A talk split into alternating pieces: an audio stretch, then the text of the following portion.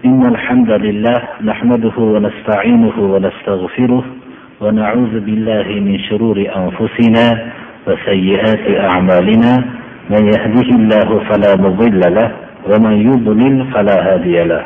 وأشهد أن لا إله إلا الله وحده لا شريك له وأشهد أن محمدا عبده ورسوله.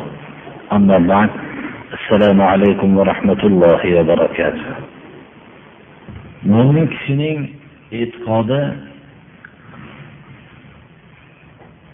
e'tiqodidagi va dinidagi zaruriy bo'lgan ilmlardan ba'zilariga bir ishora qilib o'taman. Mo'min kishi qur'oni karimdagi har bir so'z har bir oyat haq botilmas deb e'tiqod qilmoqligi kerak. Qur'oni karimdagi har bir ollohning so'zi bo'lar ekan sidiq bu kizibmas deb e'tiqod qilmoqligi kerak. Ollohning kalomi hidoyat zalolatmas deb e'tiqod qilmoqligi kerak va shubhasiz bo'lgan yaqin deb bilmoqligi kerak. Mo'min kishining zaruriy bilishligi bo'lgan narsa ilmlardan bittasi shudir. Va shu bilan bir qatorda mo'min kishi alloh subhanahu va taoloning hamma payg'ambarlari avvallaridan to oxirlarigacha hammalari ollohning bandalarini tavhidga chaqirishlik uchun payg'ambar bo'lishganlar. Bu tavhid avvalgi darslarimizda aytganimizdek tavhidul ibodah ekanligini yaxshi bilmoqligimiz kerak. Chunki har bir payg'ambar alloh subhanahu va taolo tarafidan xalqlarga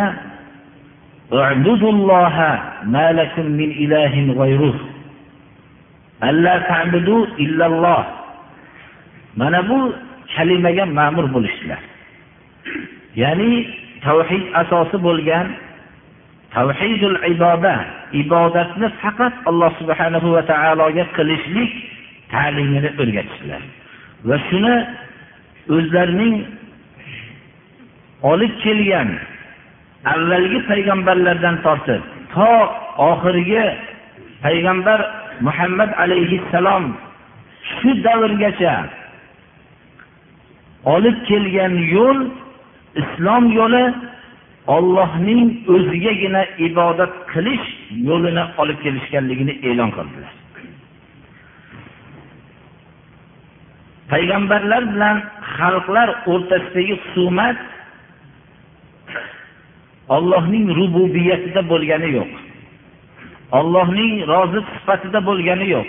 Chunki mushriklar hammasi tan olishadilarki alloh subhanahu va taoloning roziq ekanligiga xoliq ekanligiga va koinoti yerning rabbi ekanligini tan olishardi. Qur'oni karimdagi oyatlar hammasi bunga ochiq dalolat qiladi. Biz avvalgi darslarimizda bu oyatlarni hammasini keltirib bularni hujjatlarni hammasini olib keldik.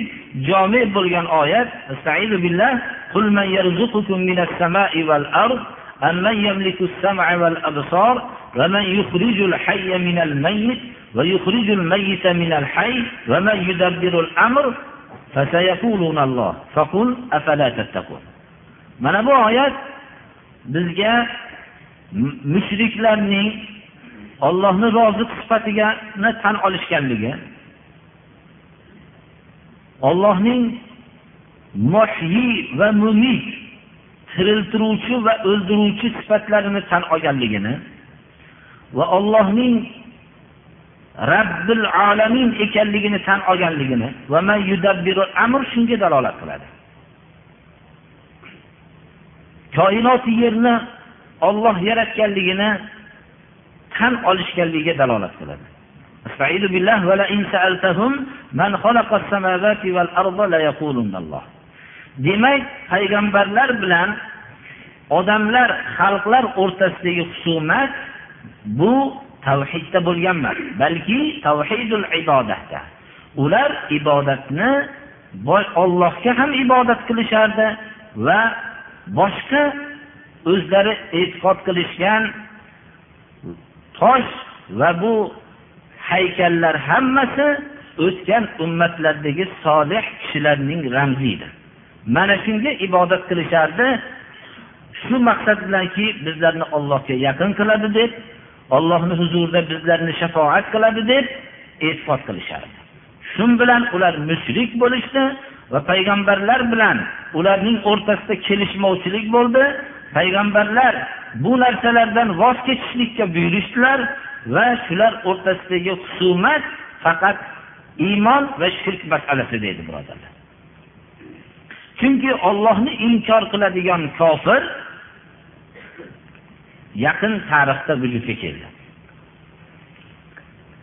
Demak bu haqiqat bu ibodatni vahdoniyati ibodatni faqat alloh subhanahu va taologa qilishlik mo'min kishining birlamchi haqiqati bo'lmoqligi kerak. Bu narsa bilan hech qachon uning yodidan ko'tarilmasligi kerak. Biz bugungi darsimizda mavzusini o'zgartiramizda. Islom kalimasi o'zi alloh subhanahu va taoloni hukmiga taslim bo'lishlik ma'nosini bildiradi. Va islom kalimasi silm ma'nosi.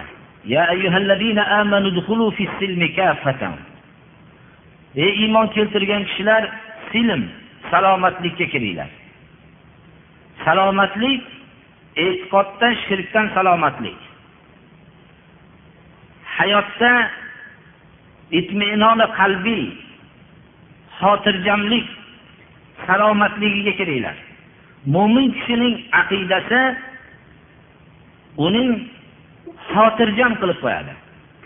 U hayotda alloh subhanahu va taoloning yaratgan koinoti bilan o'zining yuborgan nizomini o'rtasida qarama qarshilik bo'lgan holatda yashamaydi. Koinoti yerni olloh yaratgan insonni olloh yaratgan va shu insonning saodat nizomini ham alloh subhanahu va taolo jo'natgan.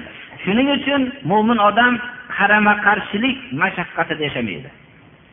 Boshqalarki ollohning yaratgan koinotida odamlar tarafidan tuzilgan nizomda yashashlik bilan qarama qarshi bo'lgan holatda yashaydida o'zi qandaydir bir baxtsizlikni his qilib yashaydi. Bu baxtsizlikning qayerdan kelayotganligini bilmaydi. Bu baxtsizlik alloh subhana va taoloning yaratgan yerida olloh yaratgan insonning odamlar tarafidan yuborilgan olib kelingan nizomida yashashlikdan bu baxtsizlik kelib chiqadi mana bu sirni iymonsiz kishilar bilmasdan yashaydi. Shuning uchun bugungi darsimizda islomning bir shiorlaridan bo'lgan mo'min odamning mo'min odamning ustidagi bo'lgan haqqi salom haqida biz bahs yuritamiz. alloh subhanahu va taolo qur'oni karimda ya ayyuhallazina amanu لا تدخلوا بيوتا غير بيوتكم حتى تستأنسوا وتسلموا على أهلها boshqa sura nurning yana boshqa oyatlarida فإذا دخلتم بيوتا فسلموا على أنفسكم تحية من عند الله مباركة طيبة سورة النساء آيات لرده وإذا حييتم بتحية فحيوا بأحسن منها أو ردوها mana bu oyatlar xususan oxirgi uchinchi oyat kishiga salom berilgan vaqtda uning javob berishlikka alloh tarafidan ma'mur bo'lyapti afzalroq surat bilan yoyinki shu berilgan salomni qaytarishlikka ma'mur bo'lyapti abdulloh ibn amr ibn al as roziyallohu anhu shular bu kishidan rivoyat qilingan hadis sharifda أن رجلا سأل رسول الله صلى الله عليه وسلم أي الإسلام خير قال تطعم الطعام وتقرأ السلام على من عرفت ومن لم تعرف bu hadis muttafaqun alayh hadis. Rasululloh sollallohu alayhi vasallamdan bir kishi savol qildiki islomning qaysinisi yaxshi ya'ni islomdagi amallarning qaysinisi yaxshi? deb savol qilganda javob berdilarki taom yedirmoqlig'i dedilar. Va tanigan va tanimagan kishiga salom berishlik demak taom yedirish va tanigan va tanimagan odamga salom berishlikni islom deb islomning yaxshisi deb atadilar abu hurayra roziyallohu anhudan rivoyat qilingan hadis sharifda payg'ambarimiz sollallohu alayhi vasallam aytdilarki لما خلق الله تعالى آدم قال اذهب فسلم على أولئك نفر من الملائكة جلوس فاستمع ما يحيونك فإنها تحيتك وتحية ذريتك. فقال السلام عليكم. فقالوا السلام عليك ورحمة الله. فزادوه ورحمة الله. متفق عليه. alloh subhanahu va taolo odam alayhissalomni yaratgan vaqtida odamga xitob qilib aytdiki boring mana bu toifa maloikalarga salom bering. Va sizga nima javob qaytarishadi bunga quloq soling. Chunki bu bu kalima sizning salomingiz va sizning zurriyotingizni salomi dedi. Odam alayhissalom assalomu alaykum deb maloikalarga salom berdilar. Maloikalar assalomu alaykum va rahmatulloh deb rahmatullohni ziyoda qildilar. Mana bu salom. Birodarlar islom olib kelgan yo'l. Chunki islom salom yo'li. Birinchi mo'min odam mo'min odamga uchragan vaqtda salom beradi. Assalomu alaykum. Bu narsa o'zi tarafidan unga bir salomatlikni va o'zining iymonli kishi ekanligiga dalolat qilsa u javob ham o'zining iymon va u tarafidan ham bunga salomatlik e'lon qilinadi. Rasululloh sollallohu alayhi vasallamdan baro ibn azib roziyallohu anhu rivoyat qilgan hadis sharifda aytadilarki payg'ambarimiz sollallohu alayhi vasallam bizlarni yetti narsaga buyurdilar. Bittasi kasalni ko'rishlikka janozalarga ergashishlikka va aqsa urgan odamga javob berishlikka zaif odamga yordam berishlikka va mazlumga yordam berishlikka salomni fosh qilishlikka va qasamda bor bo'lishlikka qasamni bajarishlikka buyurdilar. Muttafaqun alayhi hadis sharif imom buxoriy va imom muslimning jomi sahiylarida keltirilgan.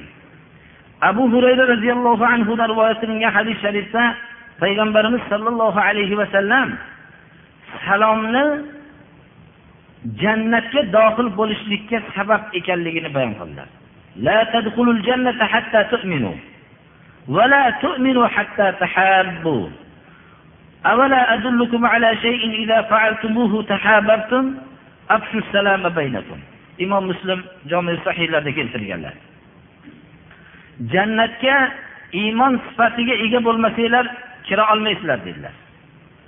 Iymon sifatiga ega bo'lishlik uchun muhabbatlashmoqliginglar kerak dedilar. Ming afsus mo'minlar o'rtasidagi mana bu sifat hozir yo'qolib boryapti birodarlar. Muhabbatlashish bo'lmaguncha iymon sifatiga ega bo'lolmaysizlar dedilar. Ya'ni olloh yo'lida muhabbatlashish insonlarga bu islom yo'lida muhabbatlashish nasib bo'lmaguncha insonlar iymon sifatiga ega bo'lolmaydi deb rasululloh sollallohu alayhi vasallam ogohlantiryaptilar. Sizlarni agar qilsanglar muhabbatlashadigan bir yo'lga yo'llab qo'yaymi dedilar. Va javobini aytdilarki salomni o'rtanglarda fosh qilinglar dedilar. Ya'ni salom beringlargina deb qo'ymadilar. Salomni fosh qilinglar dedilar. abdulloh ibn salom roziyallohu anhudan rivoyat qilingan hadis sharifda payg'ambarimiz sollallohu alayhi vasallamdan eshitdim deydilar يا أيها الناس أفشوا السلام وأطعموا الطعام وصلوا الأرحام وصلوا والنياس والناس نيام تدخلوا الجنة بسلام إمام الترمذي o'zlarining hadis to'plamlarida keltirgan hadis shariflardan ey odamlar salomni o'rtada tosh qilinglar taom yediringlar va olloh buyurgan qarindoshlar bilan aloqa bog'langlar va odamlar uyquda bo'lgan holatda namozda bo'linglar dedilar. Ya'ni tahajjud namoziga ishora bo'lyapti. Shunda jannatga salomatlik bilan kirasizlar. Mana bu hadis sharif ham dalolat qilyaptiki shunchalik tahajjudga buyurgan silai rahamga buyurishlaridan taom yedirishlikka buyurishlaridan ilgari salomni fosh qilishlikka buyuryaptilar.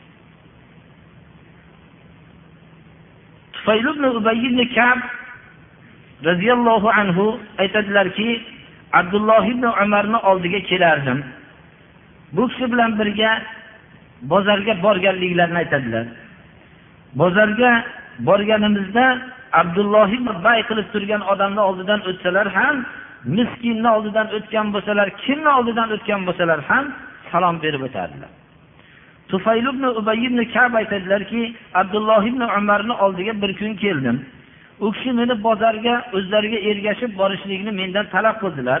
Men aytdimki bozorda nima qilasiz? Bozorda biror bir joyda bir oldi sotdi qilmasangiz doim kelsam meni bozorga birga olib chiqishlikka majbur qilasiz deganlarda javob aytdilarki bu yerda men siz bilan bir o'tirib gaplashmoqlik uchun keldim deganlarida javob berdilarki ya aba batn dedilar. Ya'ni qorinli kishi ekanlar. Ya aba batn dedilar.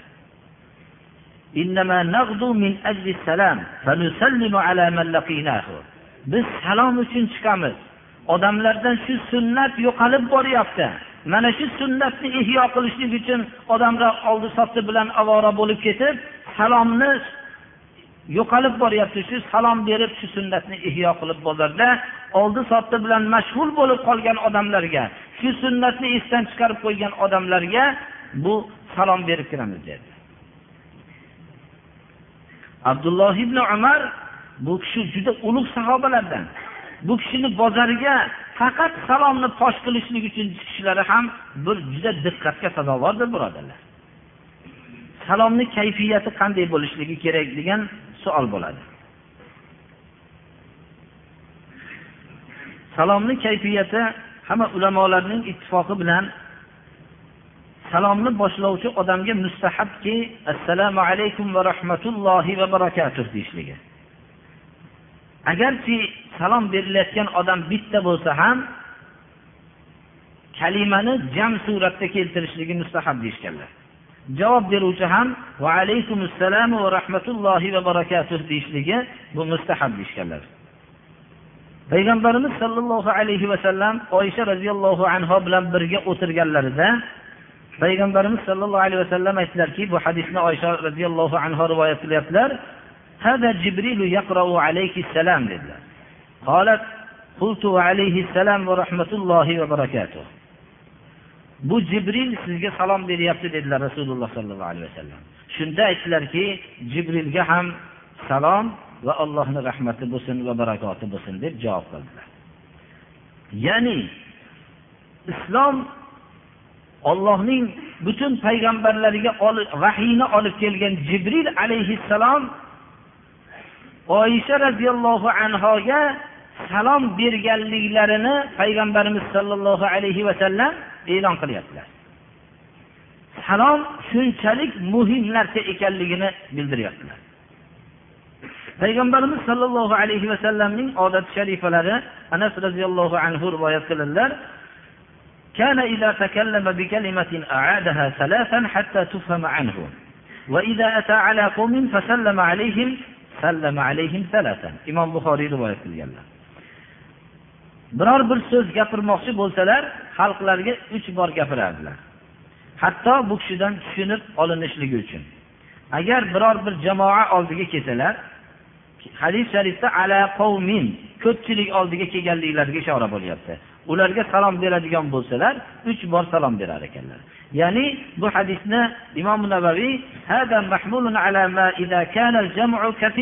ya'ni ko'pchilik bo'lganligiga uchun bir tarafga o'ng taraflariga va ro'barolariga va chap taraflariga qarab uch marta salom berishlariga ishora deb aytadilar savol bo'ladiki payg'ambarimiz sollallohu alayhi vasallamning ba'zi bir ayollarga salom berganmilar yo'qmi degan savol bo'ladi.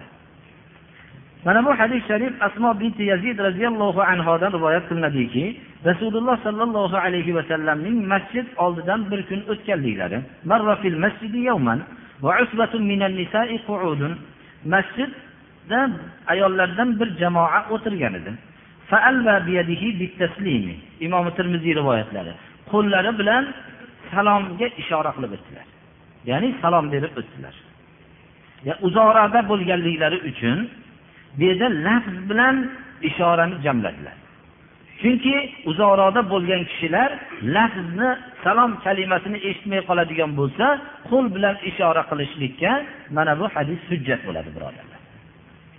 Kishi o'zining oilasiga mahramlaridan bo'lgan ayollarga salom berishlik haqida yoyinki mahram bo'lmagan odamlarga salom berishlik mahramlarga salom berishlik mutlaqo mumkinligi mahram emas bo'lganlarga fitnadan salomat bo'lish sharti bilan salom berishlikdir. Sahl sad roziyallohu anhudan rivoyat qilinadiki كانت فينا امرأة وفي رواية كانت لنا عجوز نأخذ من أصول السلق فتطرحه في القدر وتكركر حبات من شعير فإذا صلينا الجمعة وانصرفنا نسلم عليها فتقدمه إلينا إمام بخاري رواية قilganlar sahl ibn sad roziyallohu anhu aytadilarki madinada bir ayol bor edi. Ba'zi rivoyatlarda qariya kampir bor edi. Bu kishi silq mevasi yerni tagida bo'ladigan narsani mana bizlarda sholg'om turib bular mevasi yerni tagida bo'ladi. Silqni usuli deb ya'ni uni ildizi yeyiladigan narsa. Shuning silqning usul ya'ni mevasidan bizlarga ovqat pishirib kelardi. Qozonga tashlab buni maydalab arpaning bir donidan maydalab turib aralashtirib bir ovqat hozirlab kelardi. Juma namozini o'qiganimizdan keyin jumadan qaytishimiz bilan u kampirga yoinki ayolga salom berib berardikda bizga shu ovqatni taqdim qilardi. Hatto ba'zi rivoyatlarda juma kunini ba'zida sog'inib qolardik. Shu ovqat uni shu kampir pishirib kelganligi uchun deb ham rivoyat qilgan. Ashoblar bunaqa nifoqni nifoq bo'lmagan ularda. Bizlarda birodarlar hech bu narsani ochiq qalbimizdagi narsani bir bir daqiqadagina aytadigan bo'lsak ancha bir xunuk narsalar chiqib ketadi. Ashoblar ochiq so'zni aytib qo'yaveradi. Insonning tabiati bu narsa borini ochiq aytishadi mana bu bizda mahalla istishod shuki salom berardik bu ayolga deyaptilar. Demak ajnabiya. Sahobalar salom berishligi mana bu fitnadan xotirjam bo'lishlikka mana shu hadis hujjat bo'ladi.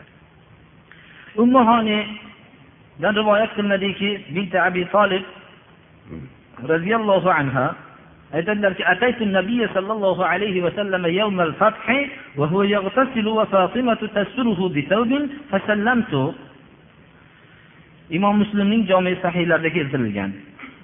Ummihoniy roziyallohu anhu rivoyat qiladilarki men nabiy sollallohu alayhi vasallamni oldiga fathi makka kunida keldim. U kishi g'usul qilayotgan ekanlar. Fotima roziyallohu anhu qizlari u kishini bir narsa bilan to'sib turgan ekanlar. Salom berdim. Shu bu hadisni davomi borki shunda bu salomga javob berdilar.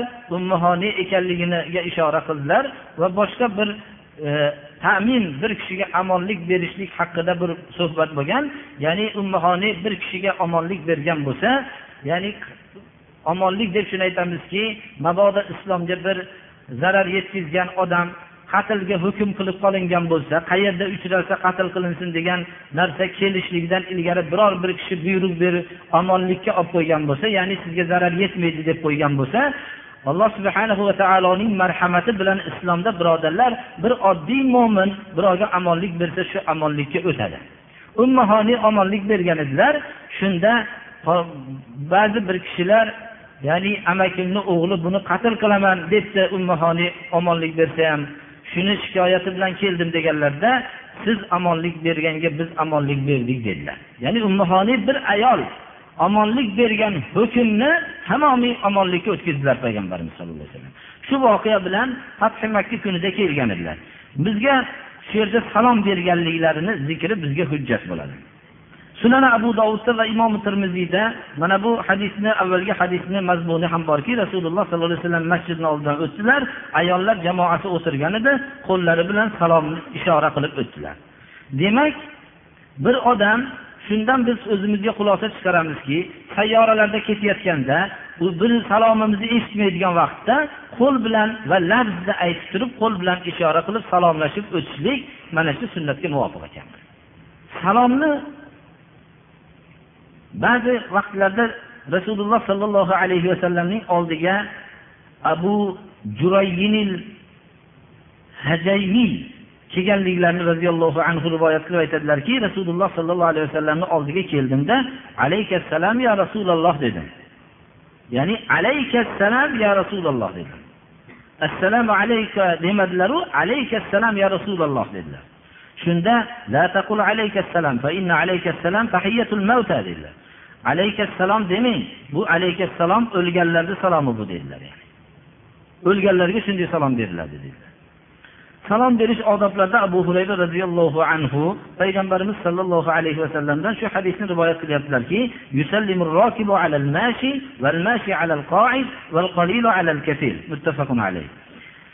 markabga mingan odam piyoda odamga salom beradi. Piyoda yurgan odam o'tirgan odamga salom beradi. Oz bo'lgan kishilar ko'p odamlarga salom berib o'tadi. Abu umoma roziyallohu anhudan rivoyat qilinadiki rasululloh sollallohu alayhi vasallam aytdilarki ya'ni ollohga odamlarning eng haqlirog'i salomni avval berganlari dedilar. Bu hadisni boshqacha turda aytildiki ya rasululloh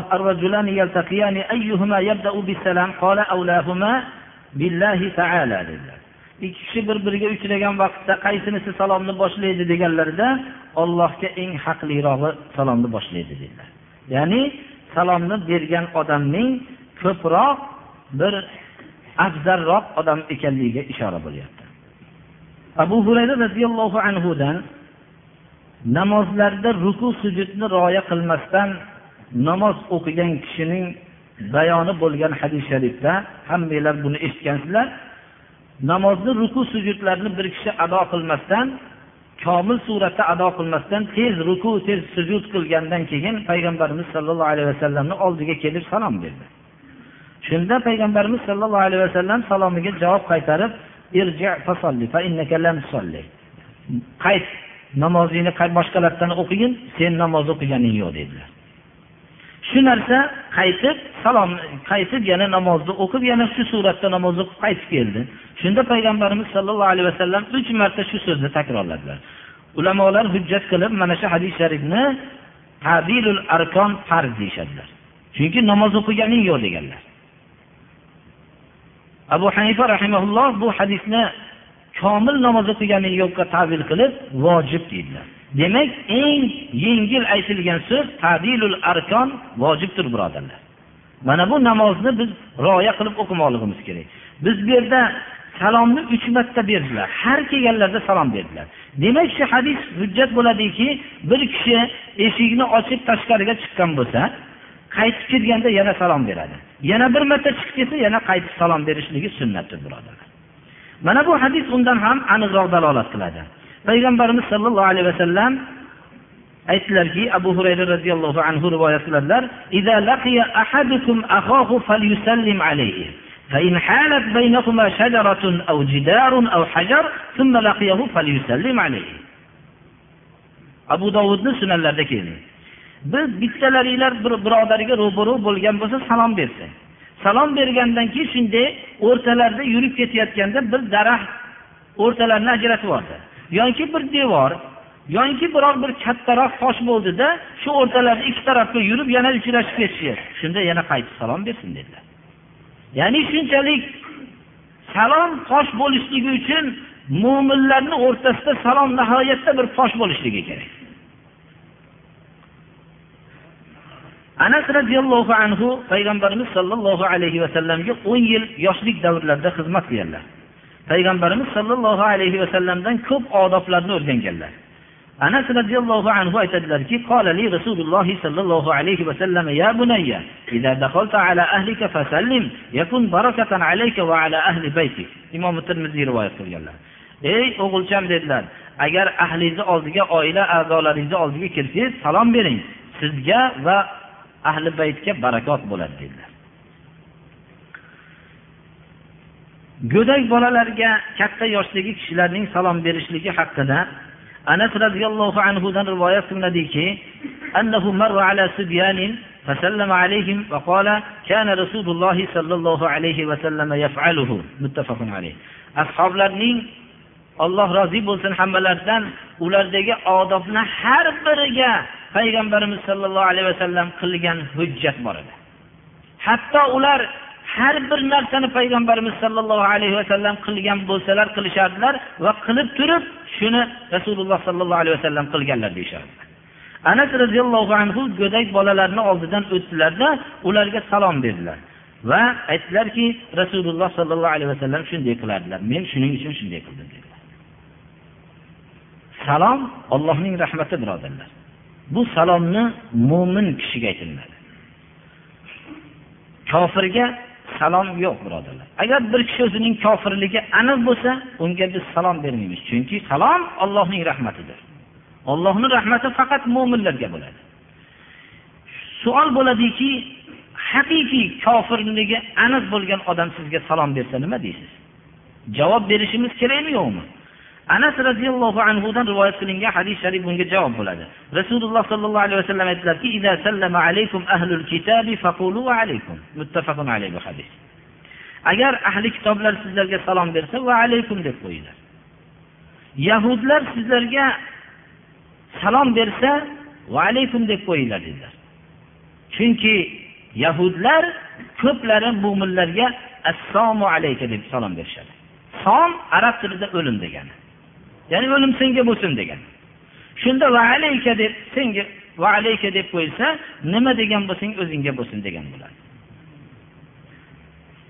payg'ambarimiz sollallohu alayhi vasallamning mana bu hadislari har biri bizga yo'llanma. Usoma roziyallohu anhudan rivoyat qilingan hadis sharifda biror bir majlisdan o'tib qolsak savol bo'ladiki bunda mo'minlar ham mushriklar ham bo'lsa salomni berishimiz qanday bo'ladi degan vaqtda mana nabiy sollallohu alayhi vasallam marra ala majlisin fihi akhlatun min al-muslimin wal mushrikin عبدة الأوثان واليهود فسلم عليهم النبي صلى الله عليه وسلم bir majlisdan o'tdilarda bunda musulmonlar va mushriklar bor edi ya'ni butparastlar yahudlar bor edi shunda salom berib o'tdilar ya'ni bunda g'olibni iste'mol qilib musulmonlarni hisobga olib salom beriladi shuning uchun ham rum hukmdoriga yozgan maktublari rasululloh sollallohu alayhi vasallam hiraqlga yozganlarida assalomu alayka demadilar xatlarda assalomu ala huda dedilar hidoyatga ergashgan odamga ollohning rahmati bo'lsin dedilar hiraql musulmon bo'lmagan edi. Hiraqlni dinga islomga da'vat qilgan vaqtlarda shunday hassos bo'lganlarki assalomu alayka demaganlar. assalomu ala mani tabaal huda deganlar. Hidoyatga ergashgan kishiga allohning salomi bo'lsin deganlar. Mana bu narsa bizga hammasi ta'limdir birodarlar.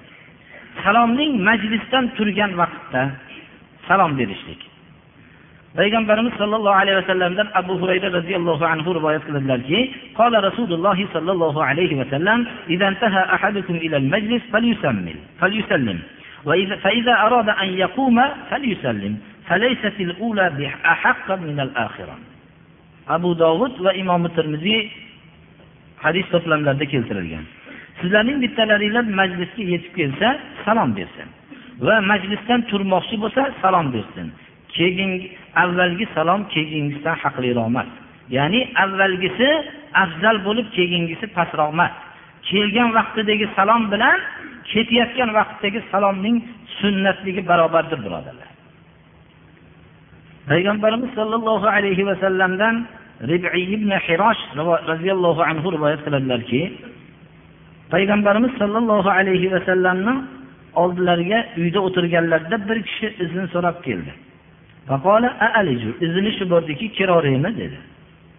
Hozirgi vaqtda ham shu izinni shu surati ko'p topiladi birodarlar. kiroraymi deyiladi فقال رسول الله صلى الله عليه وسلم لخادمه اخرج إلى هذا فعلمه الاستئذان bunoni oldiga chiqib xodimlarga aytdilarki ruxsat so'rashlikni ta'lim berib qo'ygin dedilar qul assalomu alaykum adxulu avval salom berib keyin kiraymi desam dedilar bu so'zni u odam eshitib turdi assalomu alaykum adxul assalomu alaykum kiraymi dedi فأذن له النبي صلى الله عليه وسلم فدخل ruxsat berdilar kirdilar chunki izn ko'z uchun qilingan birodarlar sahl ibn sad roziyallohu anhudan rivoyat qilingan hadis sharifda payg'ambarimiz sollallohu alayhi vasallam aytganlarki ruxsat so'rashlikni ko'z uchun qilingan Bir odam eshikni ochib kirsam bo'ladimi desa uni endi demasdan kirsa ham bo'laveradi. Chunki u ko'z uchun ruxsat bo'lgan. U qara bo'lgandan keyin hovlini ichiga endi ruxsat so'rashligini so'ramasligini farqi yo'q birodarlar. Izn ko'z uchun bo'lgan. Shuning uchun islomda mabodo bir kishi eshikni ochib ichkariga qarab turgan vaqtda shu ichkaridan bir toshni biroz chertib shuni ko'zi o'yilib tushsa islomda qisos olinmaydi shunda. Chunki izinsiz islomning odobiga zid ish qilgan. Alloh subhanahu va taolo uyni alloh min buyutikum sakana uyni orom qildi. Endi uyda inson oromda bo'lishi kerak. Ayollar u yerda o'zining mahramlarigina bo'lishi kerak xotirjam yurishligi kerak. Shuning uchun islom birovni uyiga iznni qattiq oldi hatto qur'oni karimda farzandlarni ham ta'lim berdiki ota onalarning uyiga va kelayotgan soatning uchta soatda izn bilan kirishlikni ta'lim berdi من قبل صلاة الفجر وحين تضعون ثيابكم من الظهيرة ومن بعد صلاة العشاء uchta vaqt subhidan ilgarigi vaqtda izn so'rab ota onalarni oldiga kirishlikka ruxsat berdi Va issiq vaqtda inson ba'zi libosini yengillab nihoyatda havo issiq bo'lganda yengillab o'tirgan soatda ham bunaqa issiq soatida izn so'rab kirishlikka ruxsat berdi. Izn so'rashlikka ta'lim berdi. Va xufton namozidan keyin ham izn so'rashlikka ta'lim berdi. Nima uchun? Farzandning ko'zi biror bir xunuk holatga ko'zi tushib qolsa shu bilan qalbida volidasiga yo dadasiga nisbatan ehtirom yo'qolib qolishligi mumkin. Va boshqa hikmatlar. Biz u hikmatlarni tekshirmaymiz. Ollohning bizga bergan ta'limi kifoya qiladi. Bu yerda biz bugungi darsimizdan ko'pchilik ajablanishligi mumkinki juda bir o'zlaricha men buni oddiy narsa deb aytmayman. Juda bir salom berishlik haqida bir oddiy masala haqida bir masala bo'ldi deb aytib qolishlari mumkin. Lekin bu oddiy masala demasligimiz kerak. Salomni fosh qilish jannatga kirishlikka sabab dedilar rasululloh sollallohu alayhi vasallam. Iymon muhabbatlashish va jannat. Shuning asosi salomni fosh qilishlik dedilar. Shuning uchun mo'minlar jamoasida salom fosh bo'lgan. Shu bilan ular muhabbatlashgan va inshaalloh jannatga dohil bo'lishadilar. Shuning uchun biz boshqalar biz islom dinini qadriga yetishimiz kerak. Islomimizni qadriga yetishimiz kerak yigirma uch yil muddatda rasululloh sollallohu alayhi vasallam hamma yo'llanmani bizga berdilar. Shuning uchun bu yo'llanmalarni qadrlashmoqligimiz kerak. Salom haqida boshqalarning ta'limiga biz muhtoj emasmiz birodarlar.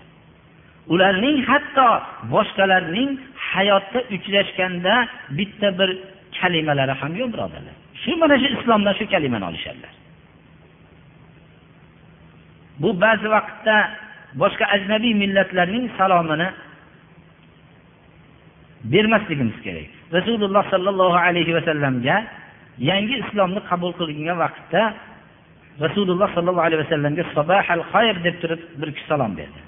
Ya'ni odatda boshqalar mana ertalabki salom deb kunduzda boshqacha salom beradigan boshqa tillarda bor biz uni aytib o'tirmaymiz.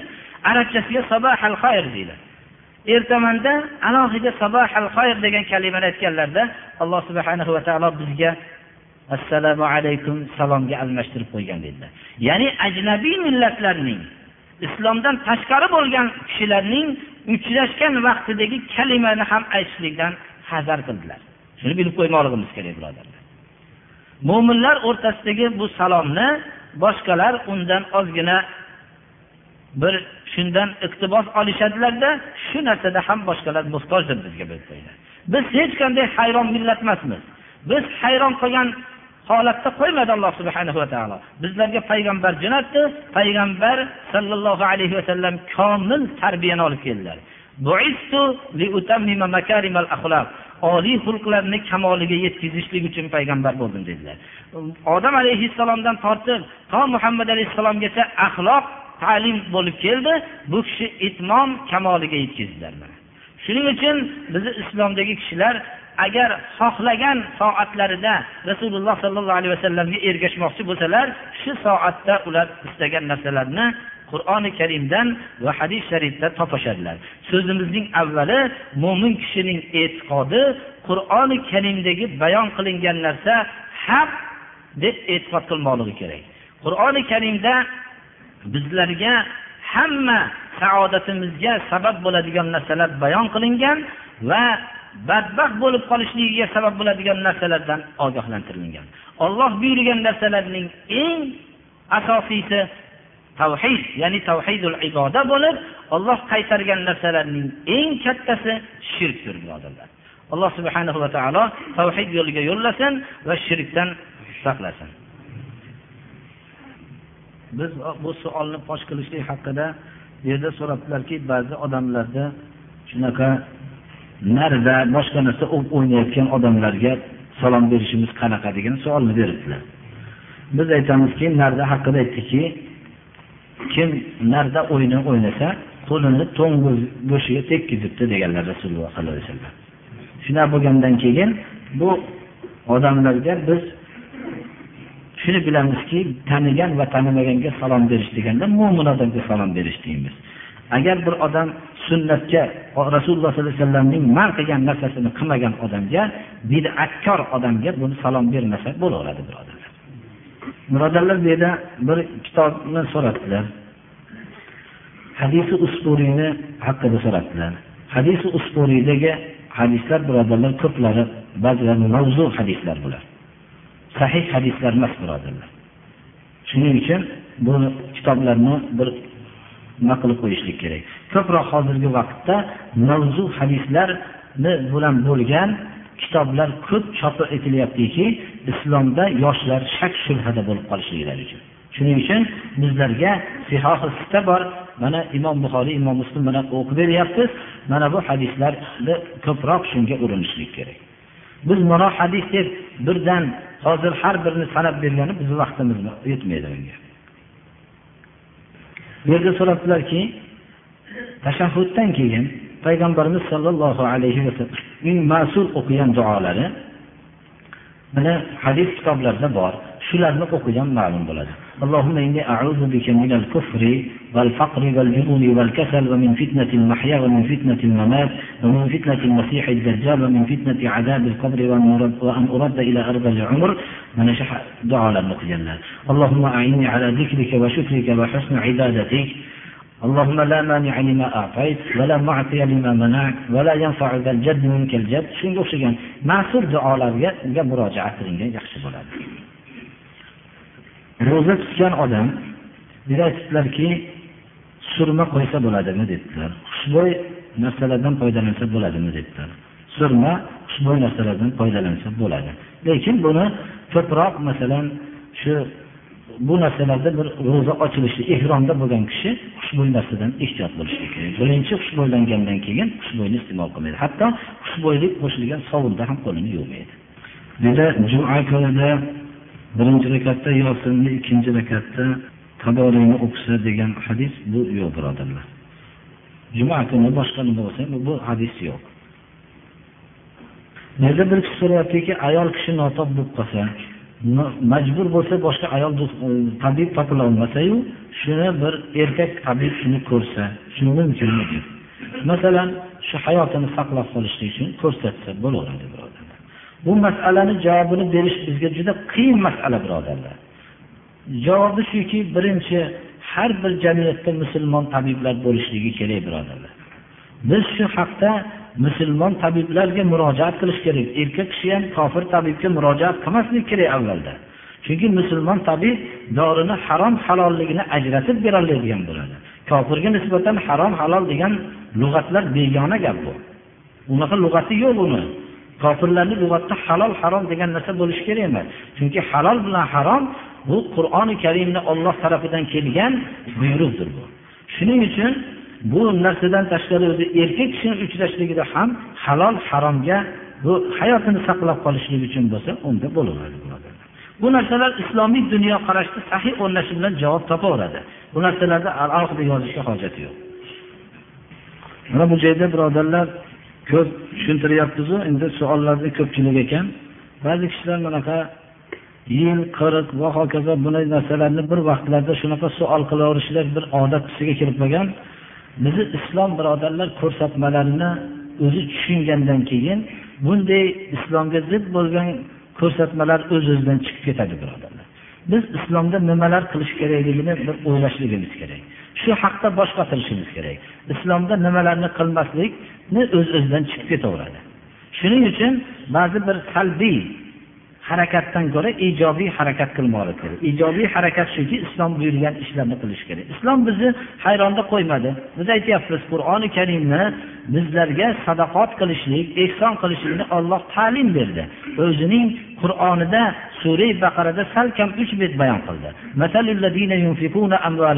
Boshlab rasululloh sollallohu alayhi vasallam o'zlarining hadisi muboraklarida bayon qildilar shularni qilishligimiz sunnat bulardan boshqa narsalar yo'q. Bu narsalarni misol asli bu yerda so'ralyaptiki yilga yo qirqqa so'yilgan bolalarni go'shtini qanday deyaptilar?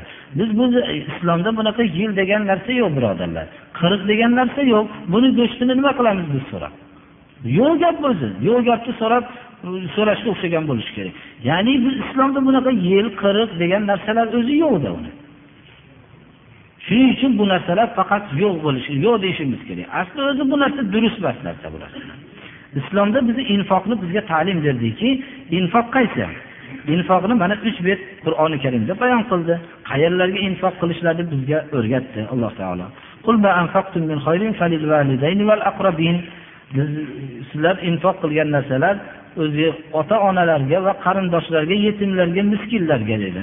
Va o'zi mana sunnat amallar valima ziyofatlari va hokazo boshqa masalan aqiqa sunnatlari bu narsalar hammasi bayon qilingan. Mana bu joylarga o'zi ovqat yedirishlik bu mutlaq deb tushunmasligimiz kerak. Chunki rasululloh sollallohu alayhi vasallam ovqat yedirishlik islomning afzali dedilar va o'zlari hayotlarida qaysi ovqatlarni yedirishlik afzal ekanligini amaliy sunnatlar bilan ko'rsatdilar birodarlar xatlarni ko'pida ba'zilar ilm olayotgan duo qilaylik. Ilmimizga alloh taolo bir rivoj bersin amal qilishlikka tavfiq bersin debdilar. Alloh taolo ilmlarni ziyoda qilsin amal qilishlikka alloh tavfiq bersin. Ota onalarini hidoyatini bir ba'zi yoshlar so'rabdilar. Alloh subhanahu va taolo ota onalariga hidoyat bersin. Ba'zi birodarlar birinchi darsga kelish ekan bizni ham haqqimizga bir duo qilinsin debdilar alloh subhanahu va taolo ularni sobit qadam qilsin. Alloh subhanahu va taolo bemorlarga shifo bersin. Alloh subhanahu va taolo shu darsimizni davomiy qilsin va sunnat yo'liga hammamizni yo'llasin. اهدنا الصراط المستقيم صراط الذين أنعمت عليهم غير المغضوب عليهم ولا الضالين. اللهم أعز الإسلام والمسلمين وأذل الشرك والمشركين واحم حوزة الدين. اللهم ألف بين قلوب المؤمنين في المشارق والمغارب واجمع كلمتهم. اللهم عليك أعداءك أعداء هذا الدين. وصلى الله تعالى على خير خلقه محمد وآله وأصحابه أجمعين. ونبدأ في الزمن mehmonlardan ham barakalla alloh taolo mehmonimizni ham qadamlarga hasanotlar bersin. Bizni mehmonga kelishini alloh taolo bizga barakot qilsin. Hamma mehmonlarimizni ham alloh taolo qadamlarga ajri azim bersin.